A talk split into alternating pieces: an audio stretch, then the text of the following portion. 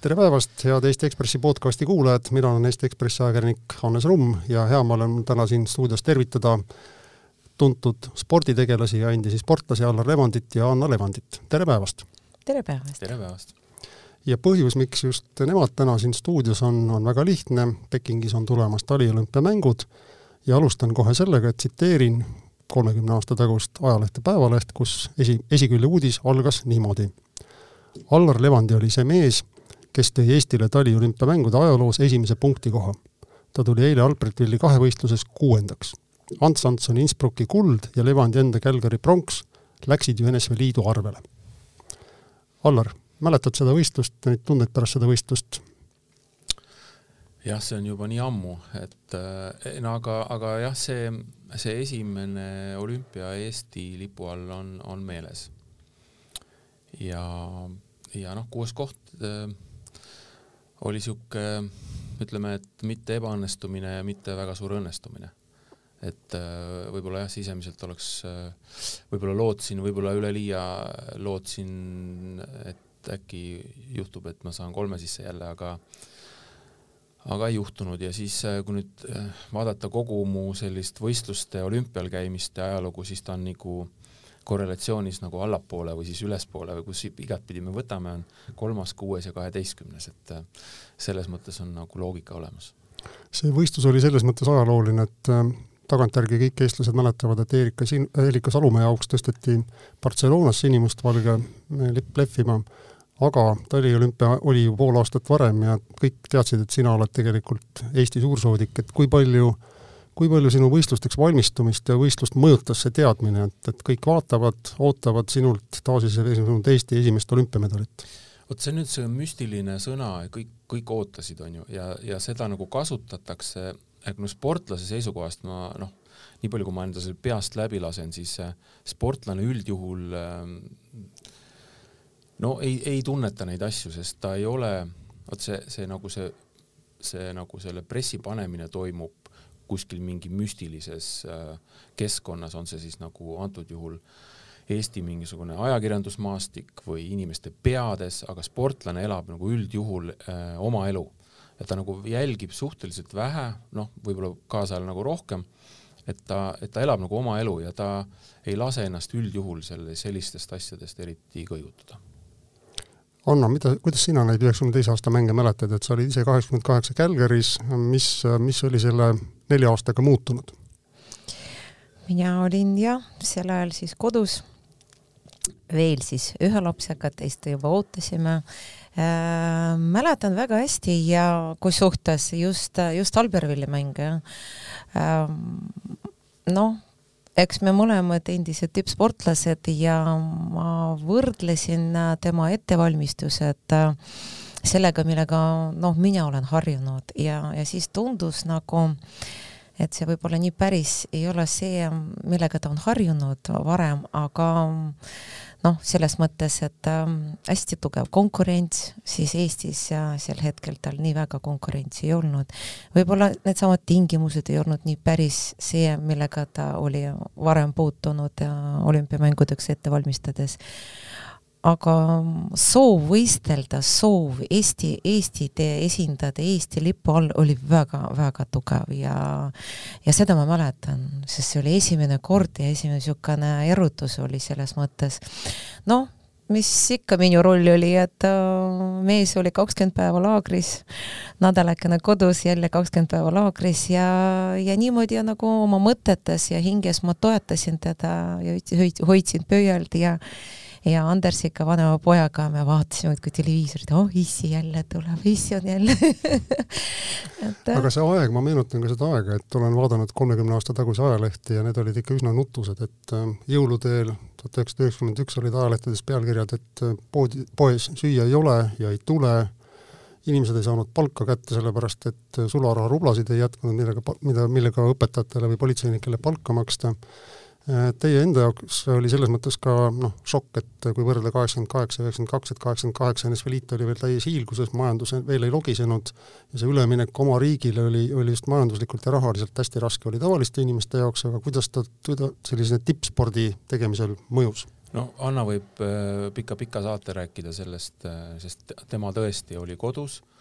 tema tunnetas seda just, millest sa praegu rääkisid, kõige-kõige otsesemalt. Nagu tavainimene, jah. ja mina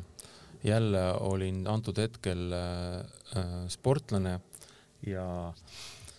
ja kui sport, spordil olid äh, tollal just jah, üleminekuaeg oligi tõesti raske kõigil, aga kui kellelgi oli kergem sellel ajal, siis oli see Eesti kahevõistluse koondis. meil oli täielik äh, olümpiakomitee tugi alates äh,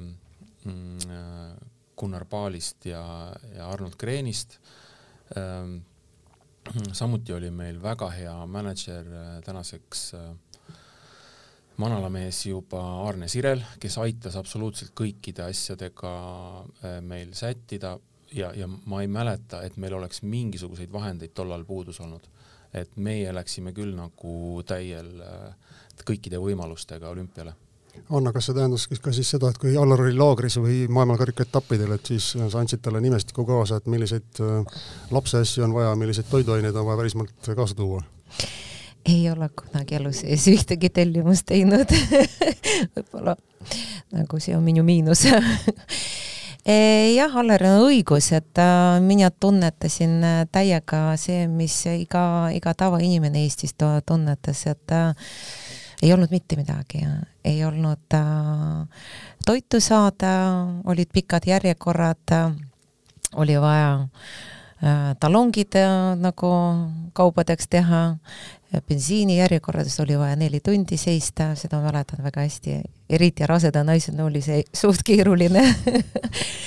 ja eks kõik need raskused äh, jah, olid, korteris oli neliteist kraadi, sest rohkem nagu ei olnud kuidagi võimalik tekitada.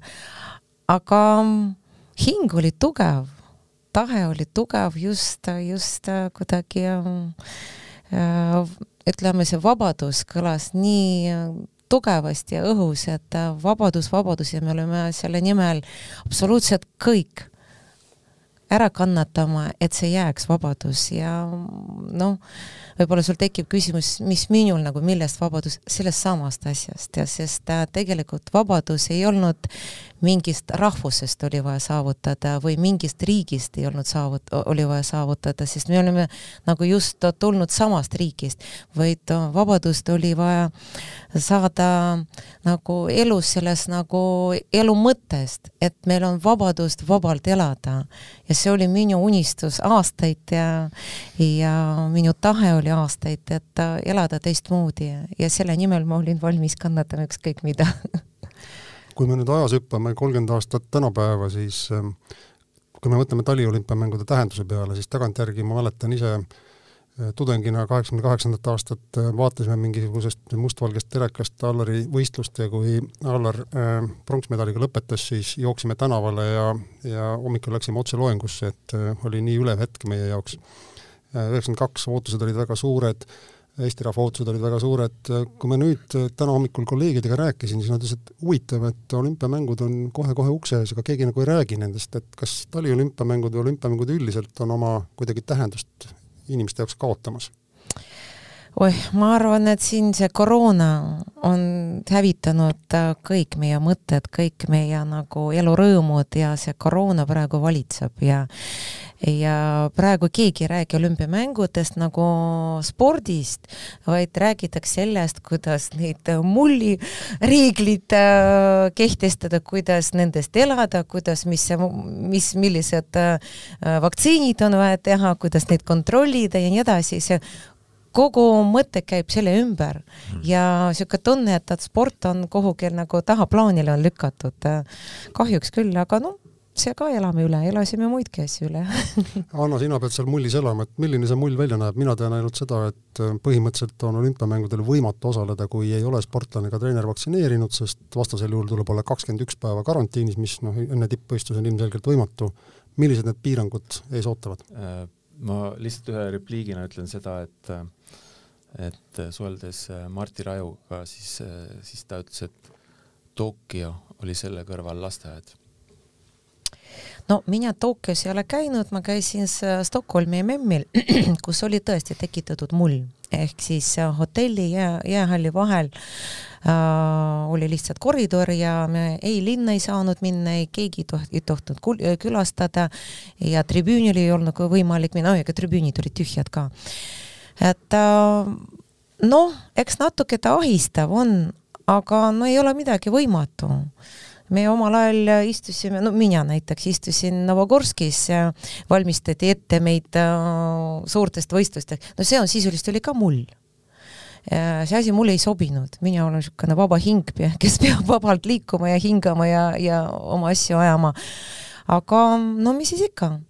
et äh, lihtsalt ei ole vaja selle peale mõelda ja on vaja aktsepteerida, on mis on ja keskenduda põhitegevusele, sest lõppude lõpuks, et äh, olgu, et minu jaoks on juba mitmes olümpia äh, noh, treenerina isegi on juba mitmes olümpia, see, aga minu sportlase jaoks see on äh, spordi, spordi nagu elu unistus. ja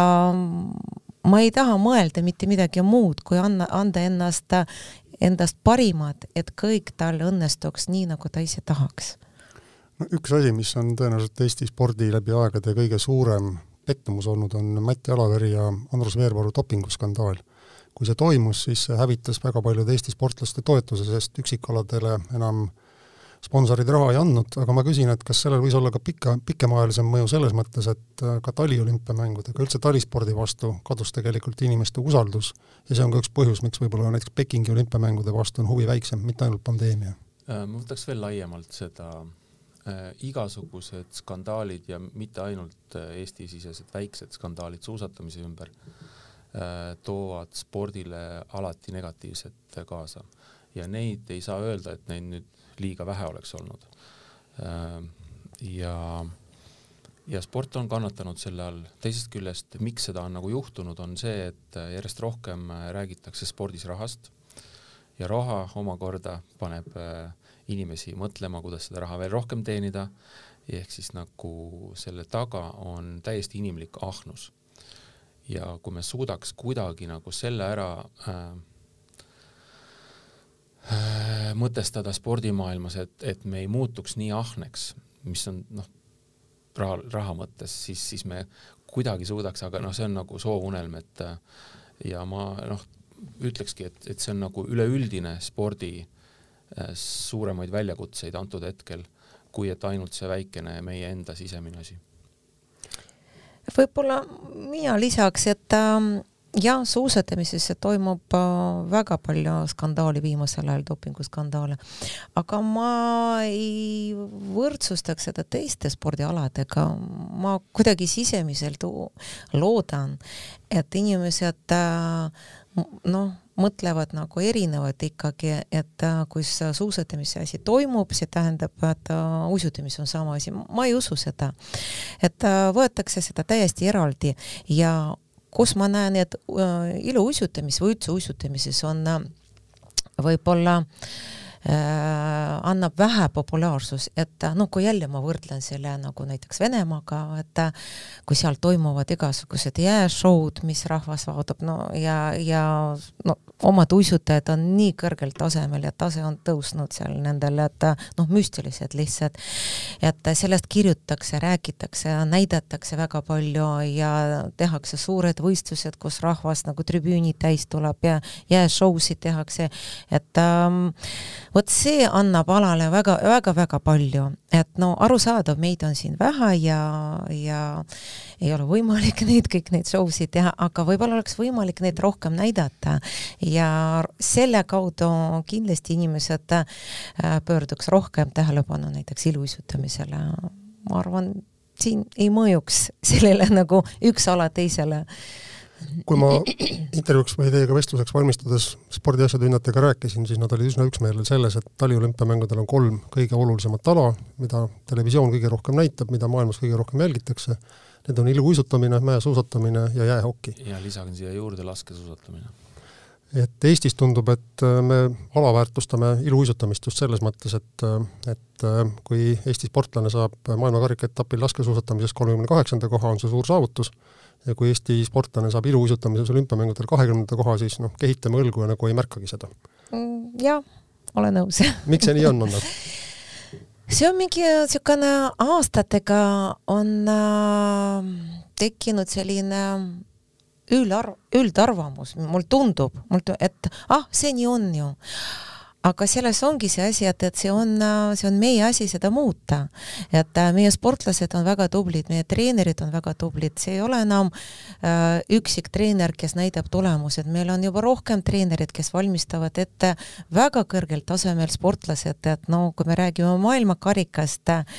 siis näiteks iluuisutamises maailma, maailmakarikale on võrdne võistlus, on challenge seeria võistlused. Ja meil on tulnud äh, sportlased pjedestaalile ja üldiselt televisioonis ei ole seda märgatud.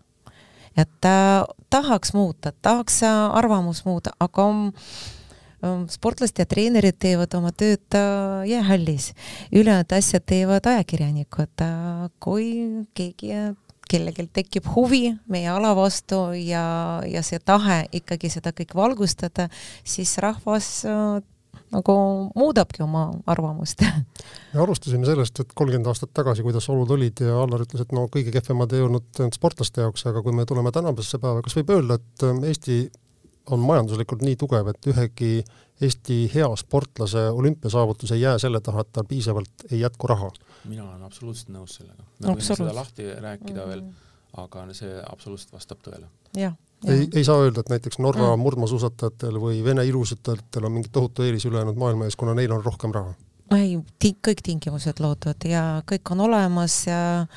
um, ütleme see, kus me majanduslikult mõttes mõtleme, absoluutselt kõik, kõik, mis on vaja, kõik on olemas. ja veel kord, et raha ei tee kunagi tulemust. jah aga kui me tänases päevas juba oleme, siis äh, me rääkisime siin ka sellest, et millised on olümpia sellised taliolümpia tippalad, Allar lisas esikolmikule neljandana laskesuusatamise, kus seal on Kellis Sildaru ja, ja tema äh, suusadistsipliin? no olümpiaalasid nagu võr-, tuuakse kogu aeg juurde, nii suvel kui talvel proovitakse ja, äh, ja vigursuusatamine on tulnud ütleme niimoodi rohujuure tasandilt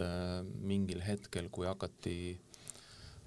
tootma erinevaid suuski, mis eh, seda soosisid, noortel oli igav sõita lihtsalt väravate vahel, need tahtsid minna metsa puudri sisse, nad tahtsid teha trikke.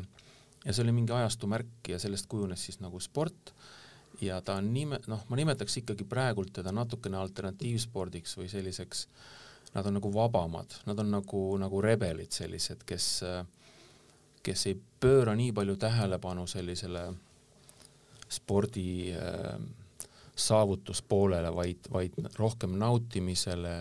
ja rohkem show'le peaks ja, ja, ja ma arvan, et noh, teatud maades muidugi on see noh, huvi on erinev, aga kindlasti on see tulevikus spordiala noorte jaoks ja noh, meie jaoks kindlasti väga tähtis. Nüüd on vist Kelly peal kõik lootused, nii nagu Allari peal olid kolmkümmend aastat tagasi lootused, et tuleb taasiseseisvunud Eesti esimene olümpiamedal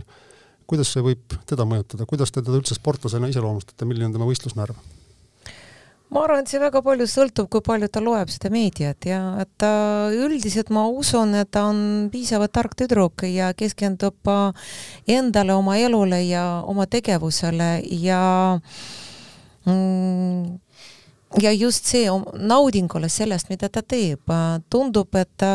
raskemad ajad tema elust on äh, jäänud selja taha ja ta on endast leidnud tasakaalu. no viimased tulemused näiteks, ega me iga päev ei suhtle temaga nii, et, et me saaks öelda, mida ta mõtleb ja mida ta teeb, aga loeme lehed ja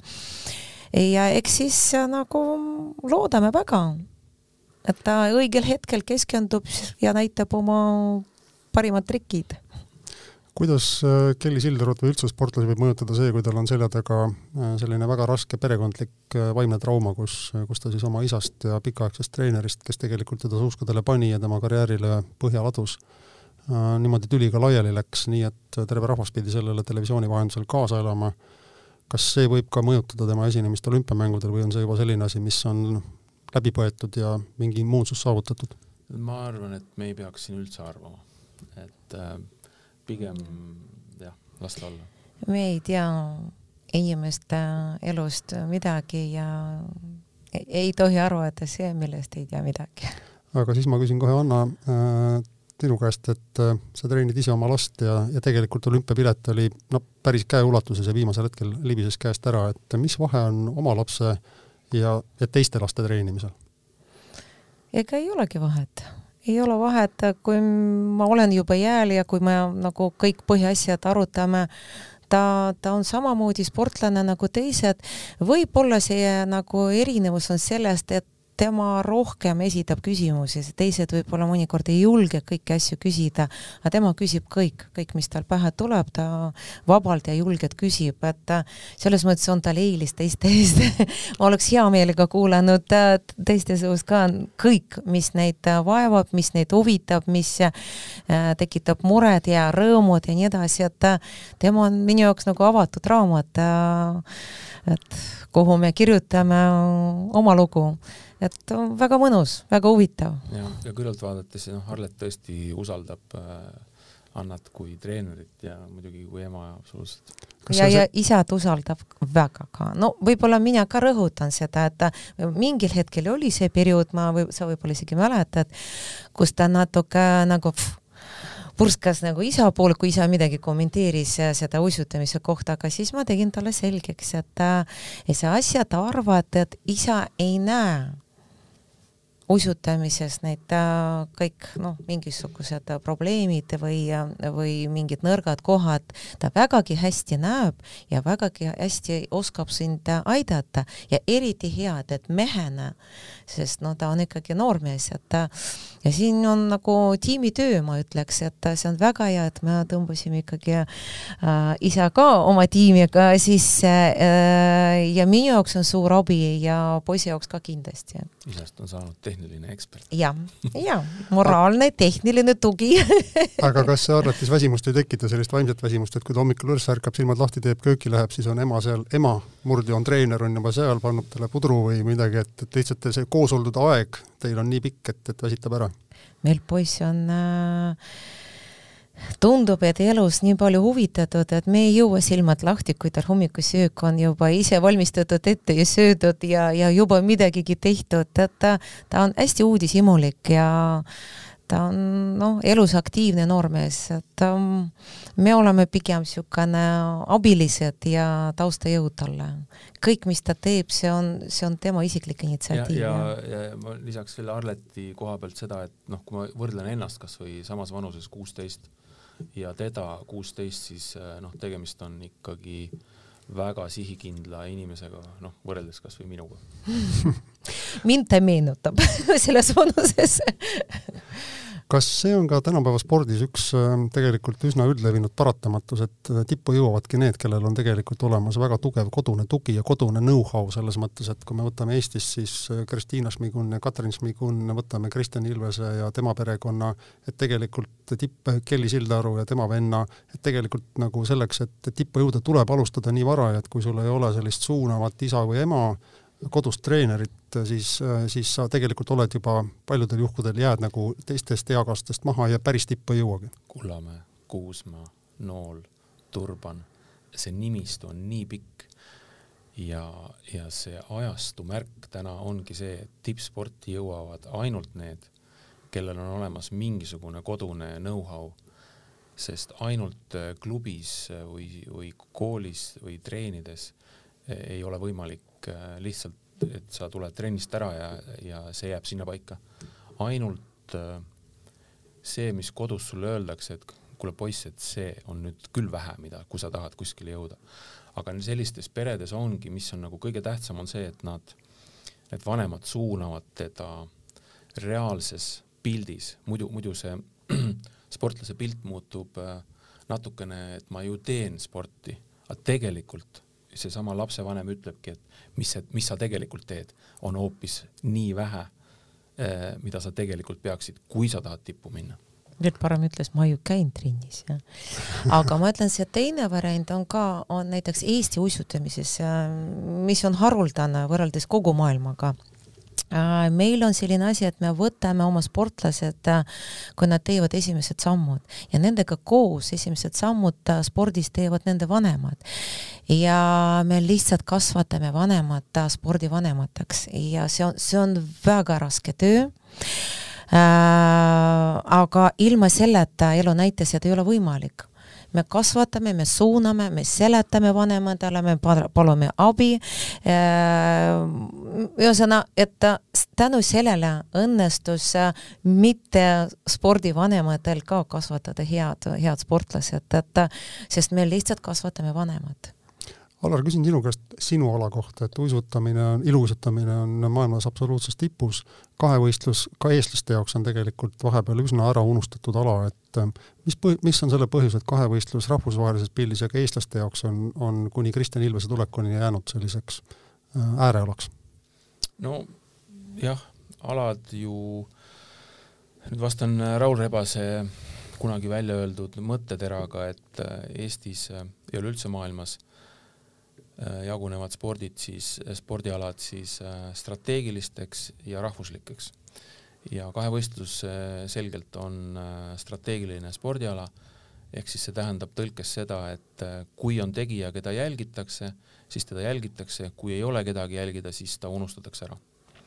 ja nii lihtne see vastus tegelikult ongi. ja samamoodi võib siin tuua erinevaid spordialasid, ma julgen siia isegi panna kümnevõistluse Erki kui sa kuulad, sa kindlasti vaidled vastu, aga, aga ma olen ka kindel selles, et kui ei oleks, praegult on tõesti palju tegijaid kümnevõistluses ja see on nagu omaette fenomen, millest võiks pikalt rääkida. aga kui ei oleks näiteks viis aastat ühtegi tegijat, siis ma ei usu, et keegi neid punkte peast loeks, mis kunagi ju kõik teadsid seda kümnevõistluse tabelit peast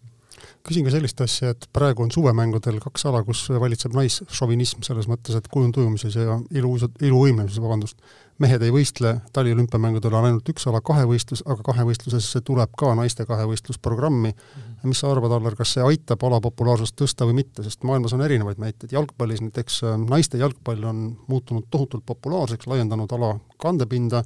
paljude teiste alade puhul, võib-olla ka näiteks suusahüpete puhul, noh, naissuusahüppajaid nii väga ei jälgita ja nad ei ole nagu nii atraktiivsed kui, kui meessuusahüppajad no ma kõigepealt vastaks kahes osas, et see, et sa need näited, mis sa tõid kujundujumisest ja iluilmumisest, jumal tänatud, et mehed ei tee seda. üldiselt need teevad juba. jah, aga, aga... No, ma ei tahaks neid asju näha, noh. võib-olla me oleme vanaaegsed, aga no see läheb juba natukene niisuguse friikide maailma aga jah, see on, see on hea küsimus, kas see ala ait-, kas see ala populaarsusele aitab kaasa. ma arvan, et kandepinna mõttes kindlasti aitab kaasa. et äh, populaarsus, noh, kahevõistluse populaarsus iseenesest ei ole ju maailma kõige populaarsem ala. Mm, ta on nagu regiooniti, eks ta on tähtis Saksamaal, ta on tähtis Norras kindlasti, Eestis, kui meil on tegijaid ja eestlasele sobib tegelikult see ala. aga kandepinna mõttes ma arvan, et see on täitsa, täitsa okei okay millised on Kristjan Ilvese suhtes realistlikud ootused olümpiamängudelt, et äh, kõik muidugi vaatavad eelkõige Kelly Sildaru poole, aga, aga tema on meie koondise number kaks. jah, Kristjan on, ütleme niimoodi, et mees, kel, keda jälgida ja kelle poole oma äh, lootusepöidlat suunata. Äh, Kristjan on olnud nüüd kolmandat aastat norrakatega koos ja just eile rääkisin Norra koondise peamanager'i Ivar Stuaniga sellest eh, tema võimalustest ja, ja ta tõdes samamoodi, et isegi halva esitlusega või siis keskpärase esitlusega eh, Kristjan enam kaugemale kui viisteist ei kuku. ehk siis ta suusatamine on tulnud nii palju stabiilsemalt järgi ja tema potentsiaal hüpetes on, on väga suur. ehk siis, kui need kaks asja ilusti kokku panna, siis ma arvan, et Kristjan on olümpial äh, nimetaks teda mustaks hobuseks või midagi sarnast. Anna, keda te soovitate lisaks Eesti äh, sportlastele iluuisutamises olümpiamängudel jälgida, kes on sellised, kes kindla peale pakuvad võimsa elamuse? noh, olümpiamängud, äh, see on selline võistlus, ta on täiesti teistsugune võistlus, et äh, nii suured ootused ja lootused äh, mõne, mõnikord toovad väga suured pettumused, äh, et äh, sportlased põlevad läbi lihtsalt, on, seda on olnud varemgi et äh, me ootame kedagi, kes nagu no reaalselt peab olema parimate seas ja, ja järsku juhtuvad niisugused nagu noh, sporditragöödiad ja aga üldjuhul ma arvan, et praegu väga huvitava konkurentsi pakuvad äh, vene tüdrukud üksiksõidus äh,, jäätantsus tuleb huvitav konkurents, näiteks äh, mina eelistaks vaid prantsuse paari, aga noh, igal juhul oma arvamus äh,. meeste üksiksõidus äh, Äh, täiesti lahtine olukord, täiesti seoses koroonaga eriti, et need äh, favoriidid, nad viimasel ajal ei ole üldse võistelnud, me keegi ei tea, mis vormis nad on ja mida nad pakuvad olümpiaks. et ma arvan, et tasub jälgida kõik. Ja kindlasti meie sportlased. Nad vajavad tugi, nad vajavad tähelepanu ja hoiame pöialt nendele, sest nad püüavad kõigest vähest, nad üritavad ja kui neil midagi ei õnnestu, nad ei tee seda spetsiaalselt, vaid noh Nad, nad ka harjutavad iga päev hommikust õhtuni ja ei tee sugugi vähegi tööd, tead, nad elavad ja nii mõtetes kui kehas selle, selle enda üle võidu, võidu nimel, et millise, millise tulemuse puhul Eesti, milline on see Eesti ilusõtete koht või tase, mille puhul te rahulikult ütlete, et on väga hästi esinenud? Äh, super hästi, kui kümne sees, super hästi ja kui viieteistkümne sees äh, mõlemal alal, siis oleks see väga hea tulemus. Allar, sa oled nüüd ka äh, ennustusäris või spordiennustusäris, et et kui nüüd mõni meie kuulaja on ka selline spordiennustaja, siis äh, milliseid, milliseid alasid teie eelkõige, millisel, millistele aladele te pakute võimalust kaasa elada ennustamise kaudu ja, ja kelle peale sa soovitad nagu laiemas konkurentsis panuseid teha, ütleme siis selles võtmes, et kellest võiks tulla nende mängude superstaarid? vot sa nüüd küsisid nüüd on paljud alasid minu, koos, siin on väga raske vastata jaa, et noh, laias laastus see olümpia ei ole nüüd maailma kõige parem ennustamise koht. aga kindlasti tasub jälgida, sest äh, ja nüüd teine küsimus on see, et eh, kustpoolt vaadates ehm, see nagu huvi on, et tavaliselt see, kes ennustab, eh, tahab ennustada eh, pihta panna anomaaliatele, ehk siis see on see, mis toob nagu tulu. ja, ja nüüd see pöidla hoidmine on hoopis teine teema. ehk siis, ehk siis nagu spordiennustus on ikkagi natukene pragmaatiline, nüüd kuhu, kuhu poole nagu spordiennustused kui sellised muutuvad, siis me meie üritame olla rohkem ja rohkem äh, meelelahutus. ehk siis see, et tõesti, ma vaatan iluuisutamist ja ma panen sinna midagi vahele ja mul on topelt hea meel, kui ma panin täppi seal. Äh, et selle, see ongi nagu see, et võtke seda kui meelelahutust ja, ja elage olümpiale kaasa ja pange sinna kümnekas vahele kas on mõni selline asi, mida ma, mida ma ei taibanud lihtsalt küsida mida te ise tahaksite öelda? Äh, noh, ma tahaks laias laastus öelda, et äh, viriseme vähem. et, et meil on nagu Eesti spordis äh, kõigega kõik, kõik väga hästi. et ähm, katsume nagu mõelda natukene suuremalt ja, ja need võimalused, mis Eesti spordis on täna olemas, on fenomenaalsed. väga palju on vaja tahta ise. et nagu suunaks oma, oma nagu maailma ja pilgu sinna, et me tahaks ise rohkem teha, äh, nautida seda sporti kui sellist ja, ja, ja kes tahab tulemust teha, kõik võimalused selleks on olemas, sa pead ise tahtma. nõus, täiesti lõpetasin selle, selle tähelepanekuga, et elu on teinud huvitava pöörde, et kui kolmkümmend aastat tagasi enne Alberpilli olümpiamängude ajal Allar võistles ja Anna vaatas televiisorist, siis nüüd on Anna Pekingis võistlustules oma õpilastega ja Allar vaatab televiisorist, soovin teile siis nii teleka ette kui ka telekasse, telekasse edu! aitäh! aitäh!